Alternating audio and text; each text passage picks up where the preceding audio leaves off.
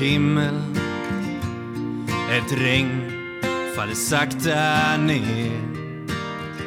Det får mig att minnas en stad En stad jag lekte i som barn. Grågrå människor i svarta, så svarta kläder. Men jag min sorglösa dag Ja, hej och välkomna till Beroendepodden avsnitt 39. Mitt namn är Anneli. Eh, välkommen till er som lyssnar för första gången och välkommen tillbaka till er andra. Eh, det här är en podcast om alla olika sorters beroende, eh, missbruk, medberoende och psykisk ohälsa. Eh, så det finns ju en hel del att prata om. Eh, och Ja, det var ett tag sedan jag sa det, men sitter du själv på en historia hur du har tagit dig ur ett beroende, det kan vara sockerberoende, sexberoende, spelberoende, alkohol, droger etc. Så, och, och idag har gjort en stor förändring och eh, lever ett liv där du mår bra så får du jättegärna höra av dig till mig.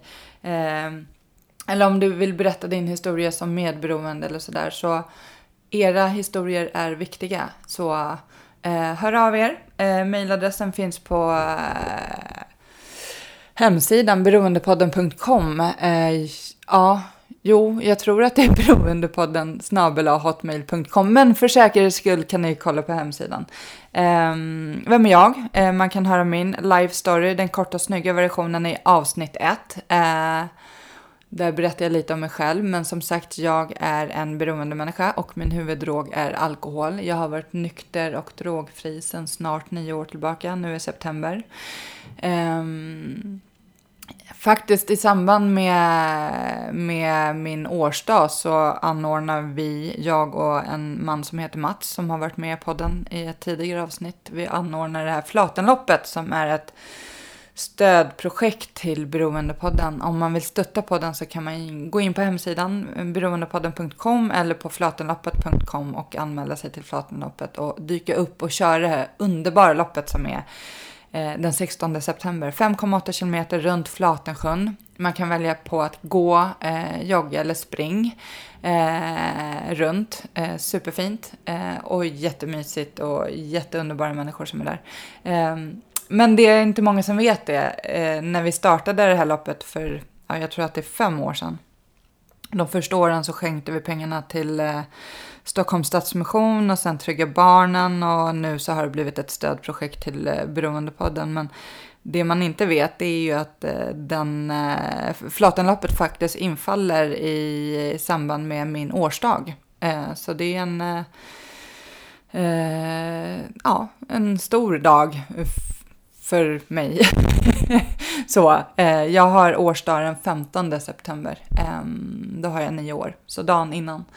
Eh, vilket fall som helst, man kan stötta podden på olika sätt. Man kan gå in och göra det på hemsidan, där står det eh, hur man kan stötta podden. Eh, jag är jätteglad eh, för alla er som delar podden på sociala medier så att fler hittar till den. Eh, Instagram, jag finns på Instagram och eh, på Facebook. Eh, Ja, och är det något, hör av er. Jag eh, blir bara jätteglad för alla mejl jag får eh, när jag får läsa, ta del av era historier och eh, eh ja, så fortsätt höra av er. Men eh, jag tänkte så här, nu ska jag släppa in dagens gäst istället och idag ska vi prata om anhörighetsproblematik.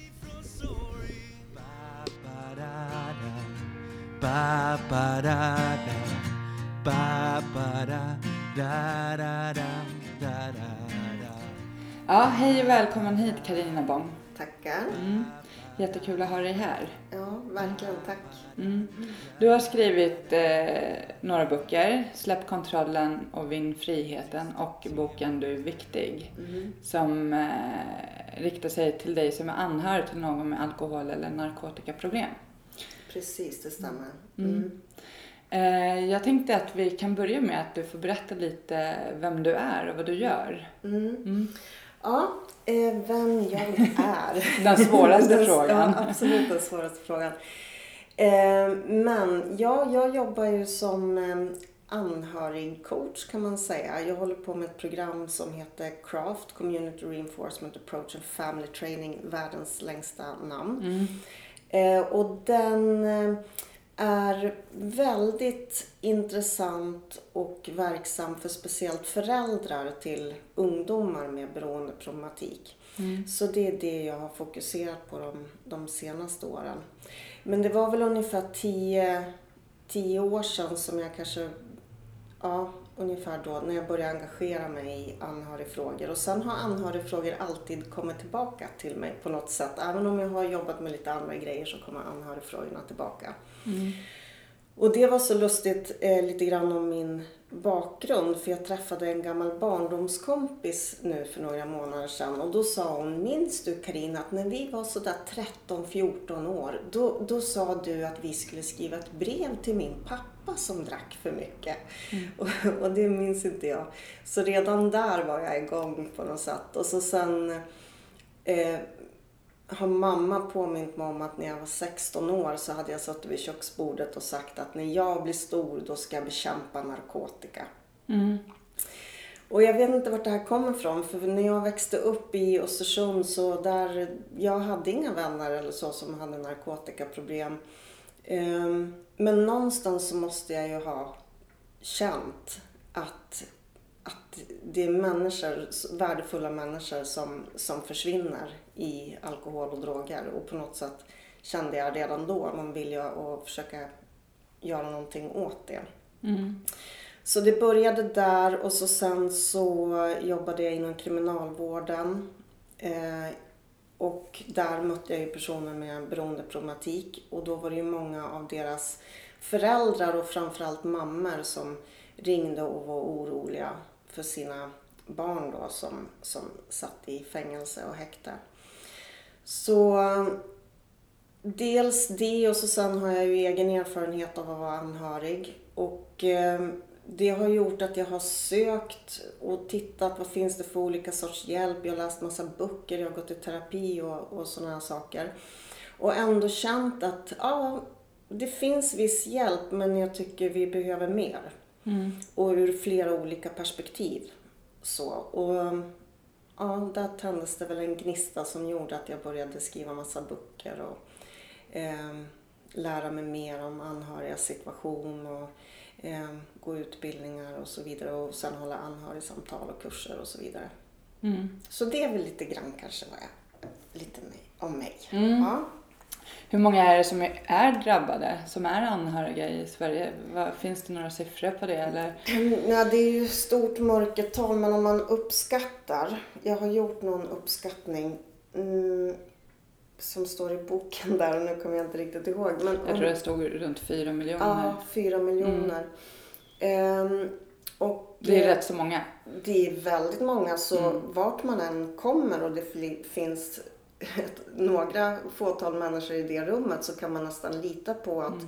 man är anhörig till någon. Sen hur nära anhörig, det är en annan femma men att man kanske har någon kompis eller något syskon eller någon förälder eller barn eller så som har alkohol narkotikaproblematik och så läkemedelsberoende som jag är övertygad eh, kommer öka mer och mer också. Ja, jag tänkte säga det är något som ökar tyvärr med raketfart. Ja. Känns det som just nu. Eh, ja, och hur, din bok den är jättebra för det första. Så verkligen superviktig bok. Eh, och som sagt, det är jättemånga som är anhöriga och väldigt många hör av sig till mig. Eh, och då eh, via podden och skriver liksom om dens barn eller sambo eller sådär. Och skriver hela dens livshistoria, alltså den eh, med beroendeproblematiken. Och det första jag brukar fråga är så här, men hur mår du? Vad har du fått för hjälp? Och vad har du fått tagit för stöd? Eh, någonstans så har de ju glömt bort sig själva helt i, i det här liksom för att hjälpa och rädda någon annan.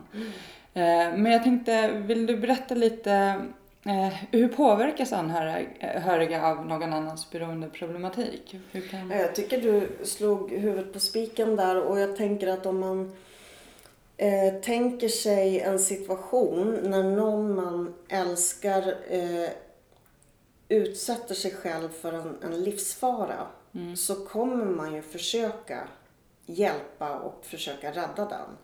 Så om jag har ett barn som håller på att brinna inne i huset så kommer jag försöka göra allt för att få ut barnet ur huset. Liksom.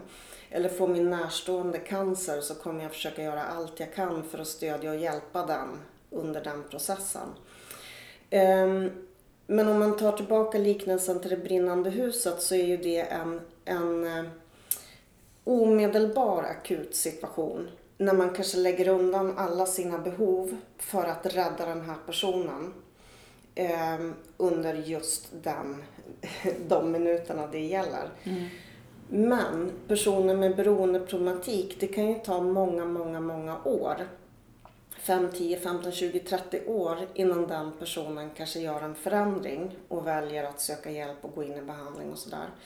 Så ska man då som anhörig eh, åsidosätta sig själv under alla de åren så blir det precis så som du säger att man, man vet inte själv vad man har för behov till slut. Man har satt den andra personen i första rummet under så många år. Så eh, det kan vara så att man har full koll på hur den andra personen mår fysiskt, psykiskt den dagen, vad den ska göra, vad den inte ska göra, vad den skulle må bäst av och så vidare. och så vidare. Men, men när man frågar frågan till den anhöriga, men hur mår du, vad ska du göra idag, vad skulle vara det bästa för dig för att ta hand om dig själv, hur mår din kropp, hur mår du i själen mm. idag? Då kan de inte svara på det, men de kan ha full koll på den andra personen. Mm. Så det blir ju, kan man säga, ett konstant krisläge under väldigt, väldigt många år. När, man, när de anhöriga lever med väldigt mycket stress och rädsla. Och har man någon gång levt med stress och rädsla då vet man ju hur kroppen påverkas. Det är adrenalinpåslaget hela tiden, det är tunnelseende, man vet inte, man, man får inte in alla perspektiv. Eh, man blir inte speciellt flexibel så i tänkandet utan det är bara rädda, agera, göra så. Man, mm. man hinner inte ta det lugnt när man har stress, stresspåslag och rädsla. Och det är ju okej okay under kort period men när det är under så många år som det blir för anhöriga till personer med beroendeproblematik då kan man ju tyvärr till slut utveckla andra sjukdomar som depression och mm. eh, Ja, några anhöriga som jag känner har också fått diagnos, diagnosen PTSD, posttraumatisk det där är så svårt att säga. Jag säger det igen. Mm. Posttraumatisk stressdisorder. Mm. Så man, som anhörig behöver man verkligen fokusera på att ta hand om sig själv för annars kommer man inte orka. Och eh, beroende på hur nära man lever, men om man lever nära så brukar också relationen till personen med beroendeproblematik, det, det brukar påverka alla områden i livet. Fysiskt hur jag mår, eh, psykiskt, min ekonomi för jag kanske lånar ut en massa pengar. Eh, socialt för jag kanske börjar isolera mig eller eh, umgås inte med mina vänner lika mycket längre eller jag kanske känner att jag inte kan vara ärlig med familjen och sådär för att jag försöker skydda och dölja personer med beroendeproblematik. Um, yrkesmässigt för jag kanske inte orkar tänka på jobbet direkt. Jag, jag kanske går dit och bara gör det jag måste göra på sparlåga. Eh, Medan andra kan känna att jobbet är räddningen. Mm. Att de får komma dit och slappna av. Så mm. det är väldigt olika. Men det brukar påverka väldigt många områden i livet i alla fall. Mm. Jag tänker hur, hur upptäcker man från början att ens alltså så här, kan man se på sina barn att de är påverkade? Finns det några? Det är ju väldigt svårt för att um, olika substanser påverkar ju olika personer. Mm. Så olika. Men vad man kan uh, fundera på eftersom att insikten att ens ungdom har en beroendeproblematik, den insikten brukar ta väldigt lång tid. Så ungdomen hinner hålla på ganska länge. Mm. Eh, och situationen förvärras ju allt eftersom under den tiden innan familj och skola och sådär förstår. Eh, och många gånger så kan det vara så också att familjen känner en oro och pratar med skolan eller kuratorer om det och, och får svaret att nej men det är bara en ungdomsfas, det går över. Men att ta de här varningssignalerna man ser. De anhöriga känner ju, föräldrarna känner ju sitt barn. Mm. Om barnet rätt som det börjar bete sig väldigt annorlunda, få ett annorlunda beteende, ett annorlunda kroppsspråk, ett annat sätt att, att kommunicera rätt som det är. Eller man märker att, att ungdomen kanske ljuger. Det- Det stämmer inte överens liksom, med verkligheten det personen säger. Eller rätt som det byter umgänge och de vänner man hade förr, de försvinner och rätt som det är så är det några helt andra och sådär.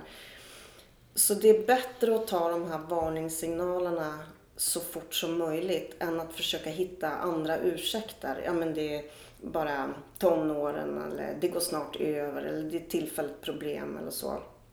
Då är det bättre att försöka prata med ungdomen direkt. Och det gäller skolan också. För även skolpersonal är ju de som kan uppmärksamma det väldigt tidigt. Men jag tror att vi människor försöker skydda oss från den insikten. Jag tänkte säga, Ja. det kan väl finnas väldigt mycket förnekelse, alltså som förälder, att ens barn kanske har ett beroende. Absolut, och jag tror, och det är inte bara föräldrarna utan även skolpersonal, att det sista man vill på något sätt är att den här ungdomen ska utveckla ett, ett, ett beroende. Så därför försöker man hitta tusen andra argument innan man till slut hamnar där. Ehm, och då hinner det ju tyvärr gå väldigt lång tid och saker och ting hinner bli värre. Hur pratar man med sin, eh, sina ung, ungdomar, sin, sin ungdom, sina barn i en sån situation när man tror... Jag tror att det är mm, jätte, jätteviktigt, eller jag tror inte, jag vet att det är jätte, jätteviktigt att inte skuld och skambelägga utan att man eh, försöker behålla lugnet även om jag förstår att, att det är extremt svårt när man är orolig för det här.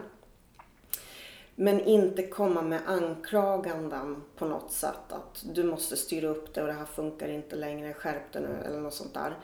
Utan att man mer frågar eh, ja, hur ungdomen mår, om det är något personen, eh, ungdomen oroar sig för och så sen kan man uttrycka sin egen oro. Att eh, jag är jätteorolig för jag har märkt att, att du har betett dig annorlunda igår till exempel och så kan man ta något exempel på vad som har hänt. Och det känns inte som du. Jag, jag eh, är orolig ifall det är så att du har testat droger och är man, vet man där till exempel att det kanske är cannabis eller vad det nu är så kan man ju säga det då. Eh, sen är det ju Sen är det ju mer vanligt än ovanligt ska man väl säga att personen nekar. Ja. Eh, så, men då har man ändå lyft upp det och visat att jag ser dig.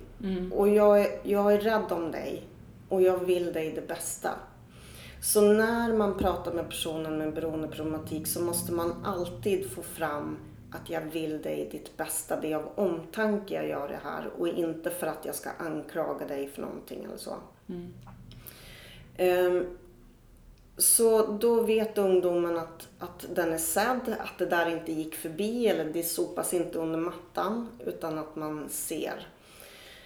Ehm, och så sen får man fortsätta vara observant och fortsätta ta upp frågan och så sen eh, vända sig också till skol, skolan och är man ännu mer orolig så, då kan man ju vända sig till socialtjänsten. Och, eh, många drar sig för att kontakta socialtjänsten.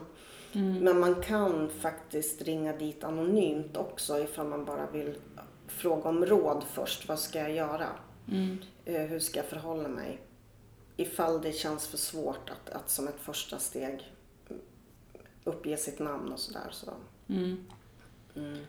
ja, för man behöver ju kanske få stöd som förälder också på hur man ska göra då. Alltså ringa. Ja. Absolut. Och sen har vi ju barn och ungdomspsykiatrin också. Dit kan man ju också vända sig för att få råd.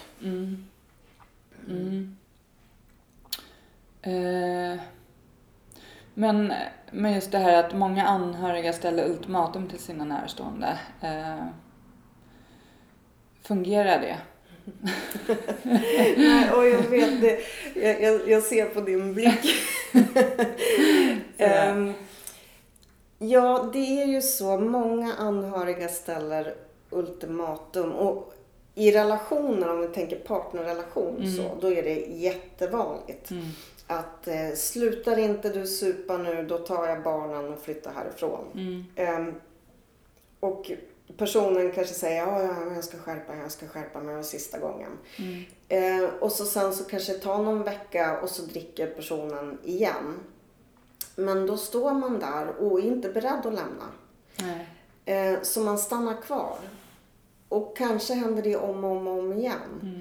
Och signalen det ger eh, till olika parter, det är ju till, dels till personen med alkoholproblem då att, ja ja, du överdriver bara. Det där har du sagt förr, vet du. Sådär. Så de behöver inte direkt ta hänsyn till vad den anhöriga säger.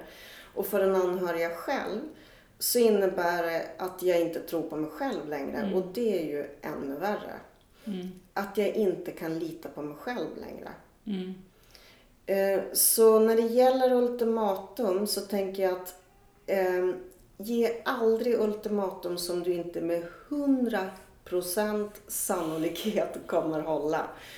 Och då är det bättre med ett litet ultimatum om man nu känner att man absolut måste ge ett ultimatum. Egentligen behöver man inte ge något ultimatum alls. Mm. Eh, Men om man nu ska ge ett jättelitet ultimatum så, så kanske man säger jag kommer eh, ta ungarna och gå hemifrån ikväll ifall du dricker.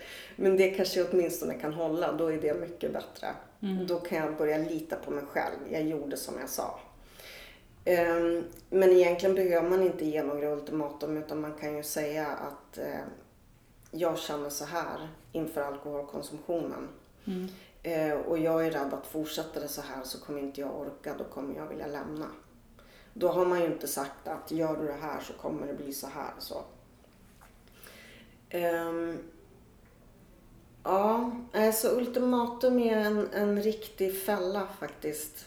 Ehm, Ja, om man inte kan stå för det sen. ja, ja, precis. Ja. Mm, Och tyvärr så är det ju så med beroendeproblematiken. Det är ju liksom att ofta är man i ett djupt beroende så väljer man ju tyvärr drogen.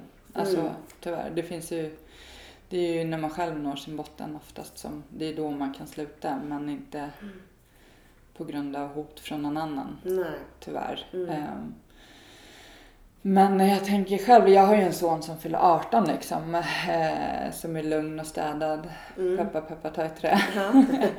Eh, han har inte alls samma, eh, som jag vet, eh, beroendesjukdom som mig. Men jag har ju tänkt, det har ju varit min största rädsla. Mm. Vad gör jag om han skulle komma hem liksom och vara full? Det, det gör väl alla tonåringar förr eller senare liksom. Men eh, just det här, eh, den här maktlösheten, att se Mm. sitt barn gå ner djupare och djupare i ett missbruk. Liksom. Mm. Och det är klart att man eh, kanske kommer göra allt för den. Men när, när hjälper man och när skälper man? Eller vad ska man säga? Mm. Hänger du med? Ja. Mm. Det är ju jättesvår balansgång det där. Ehm, när ens hjälp inte längre blir hjälp utan det blir björntjänster. Eh, när det finns risk att man istället kanske underlättar att personen kan dricka eller ta droger. Mm. Så jag tänker att om, om man ska försöka göra en enkel eh, sortering i det där. Att när jag hjälper personen mot hälsosamma, nyktra, drogfria val. Mm. Eh, det kan man tänka, det, då stöttar jag det friska. Men om jag hjälper personen i dens beroende medan den är aktiv, till exempel genom att ge pengar eller städa, städa upp efter fyller och fester eller ehm, betala hyran eller telefonkort medan personen är aktiv. Då blir det tyvärr så att man kanske underlättar att personen får mer pengar till droger eller slipper se problemet. För det är någon annan som löser problemet hela tiden. Mm. Och så länge de anhöriga löser alla konsekvenser och problem som har uppstått av, av beroende, eller ja, konsumtionen, så vad det nu är för något, alkohol eller droger, så behöver ju inte personen tycka att det är något problem. Eh, stödjer man nyktra, hälsosamma val, då kan det ju vara till exempel eh, att jag följer jättegärna med dig på ett annat möte om du vill. Eller vill du att vi ska kolla på nätet och se vad det finns för sorts hjälp för ångest? Eller, eh, ja, har du lust att, att hänga med och simma? Eh, jag skulle jättegärna vilja åka iväg och simma men det är ju bara under förutsättning att, att du är nykter. Men det skulle vara kul. Så att man försöker, man kan stödja på de punkterna. Men inte eh, stödja på ett sånt sätt så att det riskerar att underlätta. Att det blir bara enklare för personen att fortsätta. Men det här är ju jättesvårt. Det, ja, jag tänkte för just det här pengar. Mm. Den eh, tror jag många som lyssnar faktiskt säger. Men hur gör man i den situationen? Om mitt barn liksom bara, jag har inga pengar till hyran och Mm. Hur, gör, hur sätter man den där gränsen? Har, Jag har, jag, för, för jag kan få sådana där av eh, folk som bara, har du pengar? Och jag vet ju att ger jag den pengar så går det troligen till missbruk liksom. Mm. Men jag tycker, fastän jag har den kunskapen så tycker jag det är skitjobbigt att säga nej. Alltså, hm. det är jobbigt. Eh, för man vill att alla människor ska bli, vara glada på en och tycka om en. Eh, å andra sidan så kanske man får tänka mer långsiktigt då. Att långsiktigt så är det en vinst om jag säger nej nu. För då kommer personen behöva ta ansvar för sitt eget agerande och sina egna val. Och till slut kanske kommer fram till att jag behöver göra en förändring. Men kortsiktigt kan det kännas skönt och ja men här har du en hundring. Och så blev det ingen konflikt och inget problem där. Så jag tror, försöka tänka långsiktigt. Den här personen behöver på något sätt lära sig eh, hantera ekonomi, eh, se konsekvenserna av sin beroendeproblematik. Eh, och problemet är också, det jag möter i många familjer, det är ju att kanske föräldrarna då bestämmer sig för att nej, nu är det inga mer pengar. Vi kan jättegärna stödja dig på annat sätt. Ehm, så, ja, till exempel följa med på MA-möte eller eh, på det sättet, eller hitta på aktiviteter eller så. Ehm, men då finns det någon mormor eller morfar eller farmor eller farfar som då betalar pengarna. Så ofta finns det många personer som kanske underlättar för den här personen. Så ju fler i familjen man kan prata med och på något sätt sätta upp ett gemensamt förhållningssätt ju, ju bättre är det ju. Men sen har jag faktiskt gjort en liten Youtube-film som man kan söka på. Om man söker på mitt namn, Karina Bong, så finns det en Youtube-film som heter Hur hantera frågor om pengar. Eller något sånt där. Den kan vara, eh, det kan vara en vägledning på hur man ska göra. Eller kan göra. Mm. Jo, jag tror att det är en, en, eh, en grej som många funderar över. Liksom, hur gör man när ens eh, barn framför allt? Liksom. Det är nog kanske lättare mot en vuxen, jag vet inte. Jag, jag har ju inte suttit i den situationen som tur är. är liksom. Men eh, många anhöriga drabbas av skuld, eh, skam och skuldkänslor. Hur hanterar man det? Mm. Ja. Och, och, va? mm. Det är ju jättesvårt det också. Så skuldkänslor, det får man ju för att man tror att man själv har en skuld, att man har gjort någonting fel. Och om vi tänker då föräldrar till eh, en ungdom med beroendeproblematik, de hamnar ju ofta i en oändlig rannsakan. Vad gjorde jag för fel? Skulle hon ha fått en hund? Skulle vi ha flyttat? Skulle vi ha gjort det? Eh, sådär. Eh, All den här skuldransakan, den leder ju ingenstans. Den leder ju inte framåt. Den går ju bara bakåt och tänker vad ska man, vad har jag gjort för fel? Eh, Som anhörig så är det inte den anhöriges fel om en annan person väljer att dricka eller ta droger.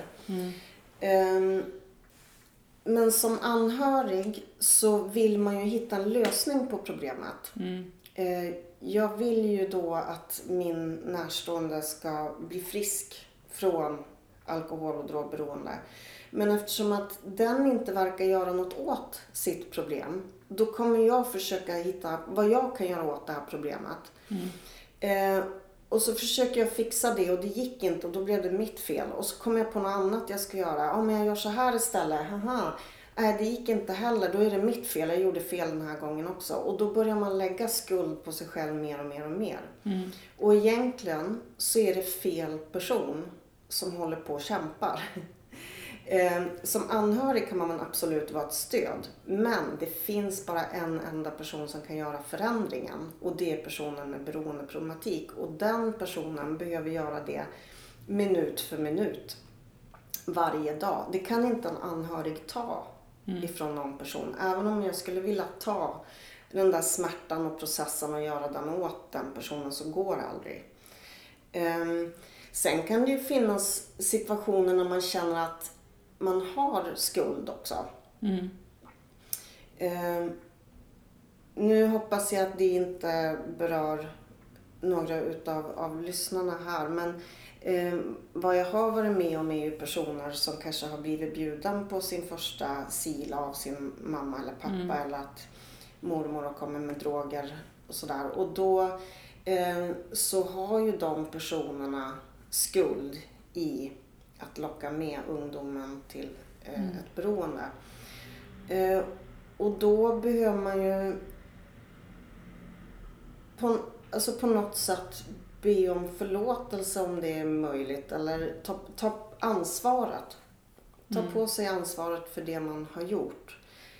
Och sen behöver man titta framåt och inte göra samma Förlåta, Samma sig, förlåta sak sig igen. själv för den Ja, handlingen kanske.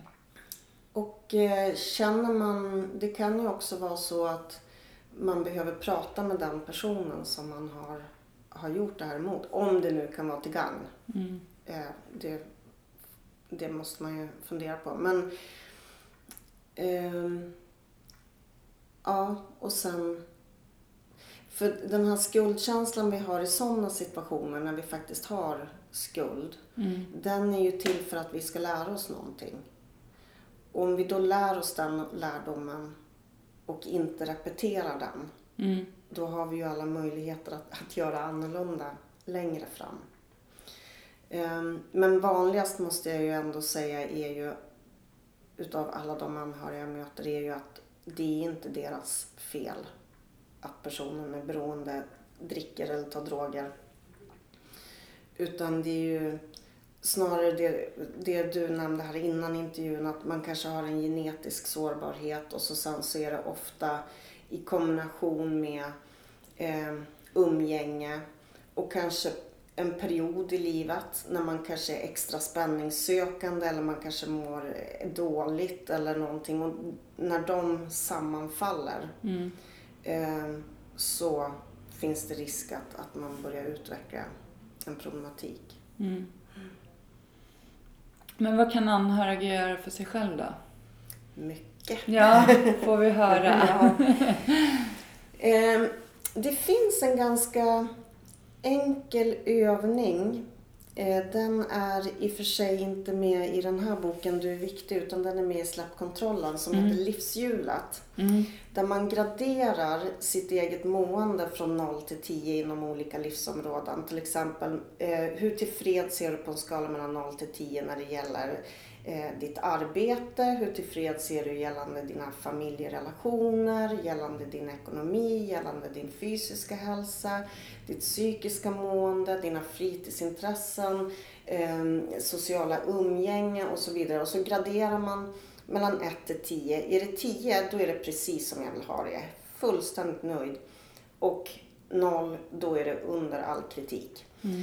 Och då kan man ju se där eh, om man har någonting som rör sig kring ja, 3, 4, 5, 6 så kan man ju fundera vad behöver jag göra för att stärka det här området i mitt liv. Det absolut första och viktigaste för anhöriga det brukar vara att hitta socialt stöd i sin situation. För det anhöriga annars ofta gör det är ju att de isolerar sig själva. Och ju mer man isolerar sig och inte har någon att prata med om, om sin situation.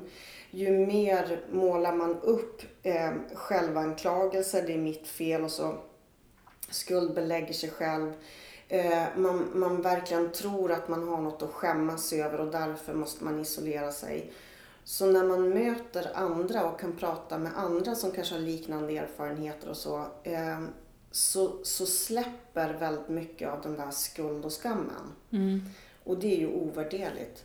Plus att när man träffar andra som har varit i en liknande situation så behöver man kanske inte uppfinna hjulet själv varje gång. Utan då kanske man kan höra att jaha, okej, okay, men Anna löste det sådär och Kalle gjorde sådär och då kan man få lite ny, nya tankar och perspektiv på hur man kan gå vidare i sin situation. Så jag skulle säga eh, för anhöriga som lyssnar på det här att om ni känner att ni har isolerat er och inte har några personer att prata med, då behöver ni söka hjälp. Och nu, tack och lov, finns det mycket mer hjälp än vad det gjorde för 10-12 mm. år sedan.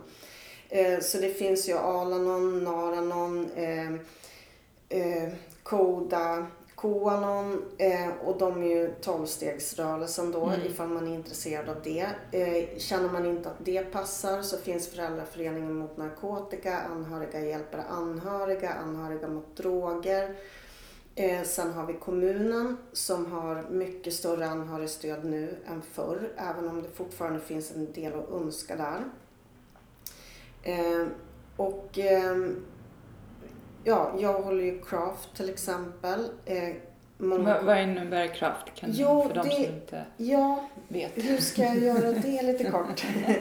eh, så det är ett program eh, som hjälper de anhöriga med strategier, framförallt gällande förhållningssättet till personer med beroende mm. och eh, kommunikationsträning. Mm. För att minska konflikter och skapa bättre relationer i familjen. Och, och huvudmålet är att de anhöriga ska må bättre men också att locka personen med beroende att söka hjälp. Mm. Um, så ja, mycket, mycket att analysera beteendemönster både hos personer med beroende men också de anhöriga och se hur man kan göra annorlunda för att inte repetera gamla mönster hela tiden. Mm. Och många personer kan tycka om att ha flera olika stöd. Så Craft är ju ett program på 12 träffar. Eh, men sen kanske man under den tiden också skapar sig att man börjar gå på föräldraförening mot narkotika eller att man går på Alanon-möten till exempel. Eh, så när Craft är slut så, så har man ett annat socialt stöd än vad man kanske hade när man kom in mm. i, i Craft-programmet. Ehm, och kommuner börjar erbjuda craft mer. Sen eh, vad som är möjligt om man kämpar eh, med byråkratin det är att man också som anhörig kan söka ekonomiskt stöd för att få eh, craftkurser eller terapi och så betald. Mm, mm. Det brukar vara så att man kanske får överklaga, att man först får ett avslag och så får man överklaga. Men eh, anhörigas rättigheter till stöd har blivit mycket starkare lagstiftningsmässigt nu. Eh, problemet är ju att det tar ju tid att söka och överklaga och dona. Men eh, att ha den tid och energin kanske man inte har som anhörig. Men det är ett litet tips ifall man orkar göra mm. den processen. Mm. Ja men det är jättebra. Det är flera tips på vart man kan vända sig. Mm. Få stöd och hjälp som anhörig. Och just det att du som lyssnar som är anhörig, du är absolut inte själv. Mm. Så är det ju. Och jag tror att många lever i den här skuld och skamfällan och inte vågar prata med någon för att de skäms för mycket eller så. Mm. Eh, men eh, och jag har träffat många som har suttit i den situationen. Eh, så våga be om hjälp och prata med andra och få tips och råd. Mm. Um, men jag tänker, är det något som du känner att jag har missat som är så superviktigt som du vill få med här? Det jag, kände, det jag kände nu när du sa det där mm. är att som anhörig är man absolut inte ensam. Eh, och någon gång måste vi komma bort ifrån stigmat. Mm. eh, och att beroendesjukdomen är en sjukdom mm. och att som anhörig att känna att jag kan söka hjälp utan att, att hamna i någon skamkänsla för att min närstående har en sjukdom. Mm. Eh, och jag är orolig för min närstående som har en sjukdom. Eh, det är ju och jag, vill, jag känner att jag påverkas och jag mår dåligt på grund av den här sjukdomen som ger mig som anhörig vissa konsekvenser också. Och jag vill hjälpa personen. Det är, egentligen är det inte konstigt och ändå så har det blivit så svårt. Mm. Bara för att man har någon gammal stämpel från den tiden man kanske inte visste att det var en sjukdom men som fortfarande sitter kvar. Mm. Men vi, vi måste släppa den ja. på något sätt. Um, och faktiskt söka den hjälp som vi kan och har rätt till mm. för att vi påverkas av en annan persons sjukdom. Mm. Ja, absolut. Eh, ja, nej, men vi pratar ju som sagt om eh, anhöriga i dagens program och vi säger inte ordet medberoende. Hur eh, kommer det sig att du har valt att skriva anhöriga i boken istället ja. för...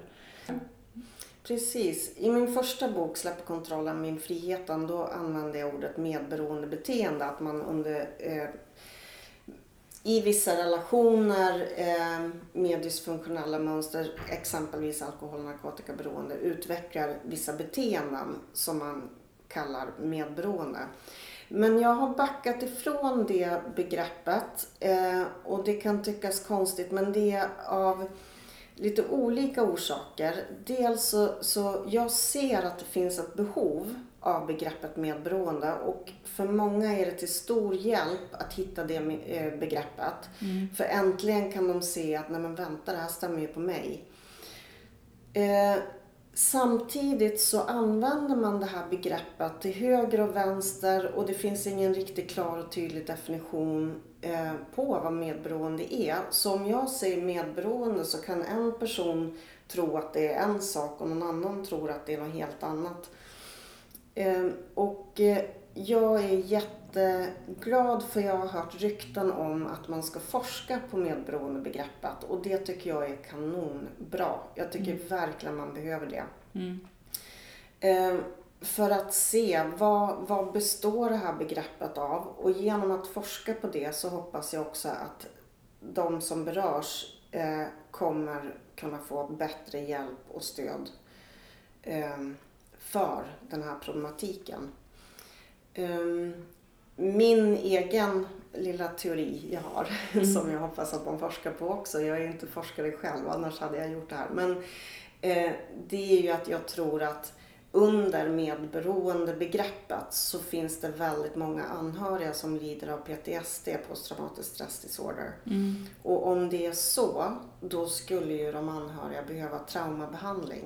Mm. Och i Sverige så finns det väldigt lite traumabehandling. Eh, så det här är ett, ett område man verkligen behöver undersöka mera, ehm, definiera tydligare och förhoppningsvis skapa bättre hjälp. Så det finns fortfarande mycket att göra.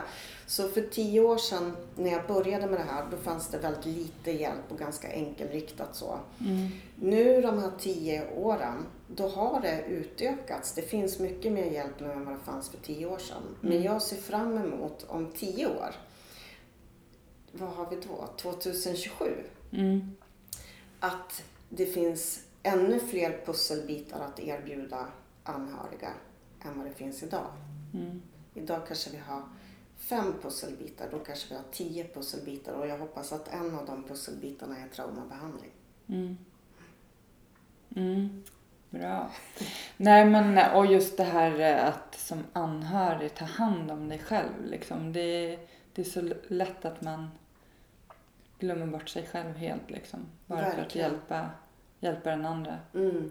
Och som jag brukar säga till de jag pratar med, den viktigaste personen i ditt liv är du. Liksom. Mm. Först du och sen så hjälper vi andra. Ja. kan låta hårt men så är det liksom. Man måste tänka på sig själv och ta hand om sig själv för att kunna hjälpa andra överhuvudtaget. Absolut. Ingen tjänar på att två personer drunknar. Nej. Då är det ingen som kan hjälpa någon. Mm. Um, så ja.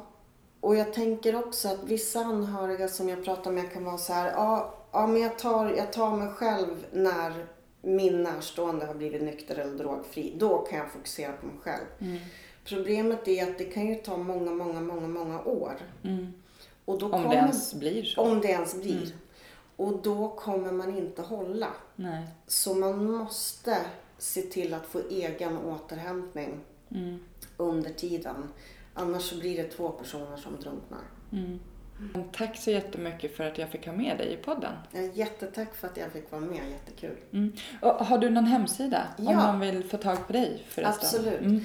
www.craftsverige.com och då är det craft med C. Mm. Som i kraft fast med C. Craftsverige.com. Och så sen eh, får man jättegärna gå in och gilla min eh, Facebook-sida också. Mm. Som heter Coaching och litteratur för anhöriga till personer med beroendeproblematik. Där lägger jag upp allt som händer och tankar och åsikter och pepp och inspiration och allt möjligt. Tack så jättemycket. Tackar. Mörk himmel Ett regn faller sakta ner. Det får mig att minnas en stad En stad jag lekte i som barn. Grågrå människor i svarta, så svarta kläder. Men jag min sorglösa dag Ett vackert minne som alltid finns kvar. Stockholms gator och torg Ett liv så långt ifrån sorg ba, ba, da, da. Ba, ba, da, da. Ba, ba, da, da, da, da, da, da, da. Ba, ba, da, da. Ba, ba, da, da. ba, ba, da, da, da, da. Dyster T-baneperrong Ett liv inrutat i betong. Stäng ut det andra med musik. Fokusera allt på att bli rik. Här finns en dyster atmosfär.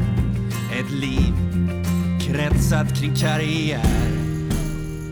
Men jag min sorglösa dag. Ett vackert minne som alltid finns kvar Stockholms gator och torg Ett liv så långt ifrån sorg ba, ba, da, da. Ba, ba, da, da. Ba, ba, da, da, da, da, da, da, da. Ba, ba, da, da. Ba, ba, da, da. Ba,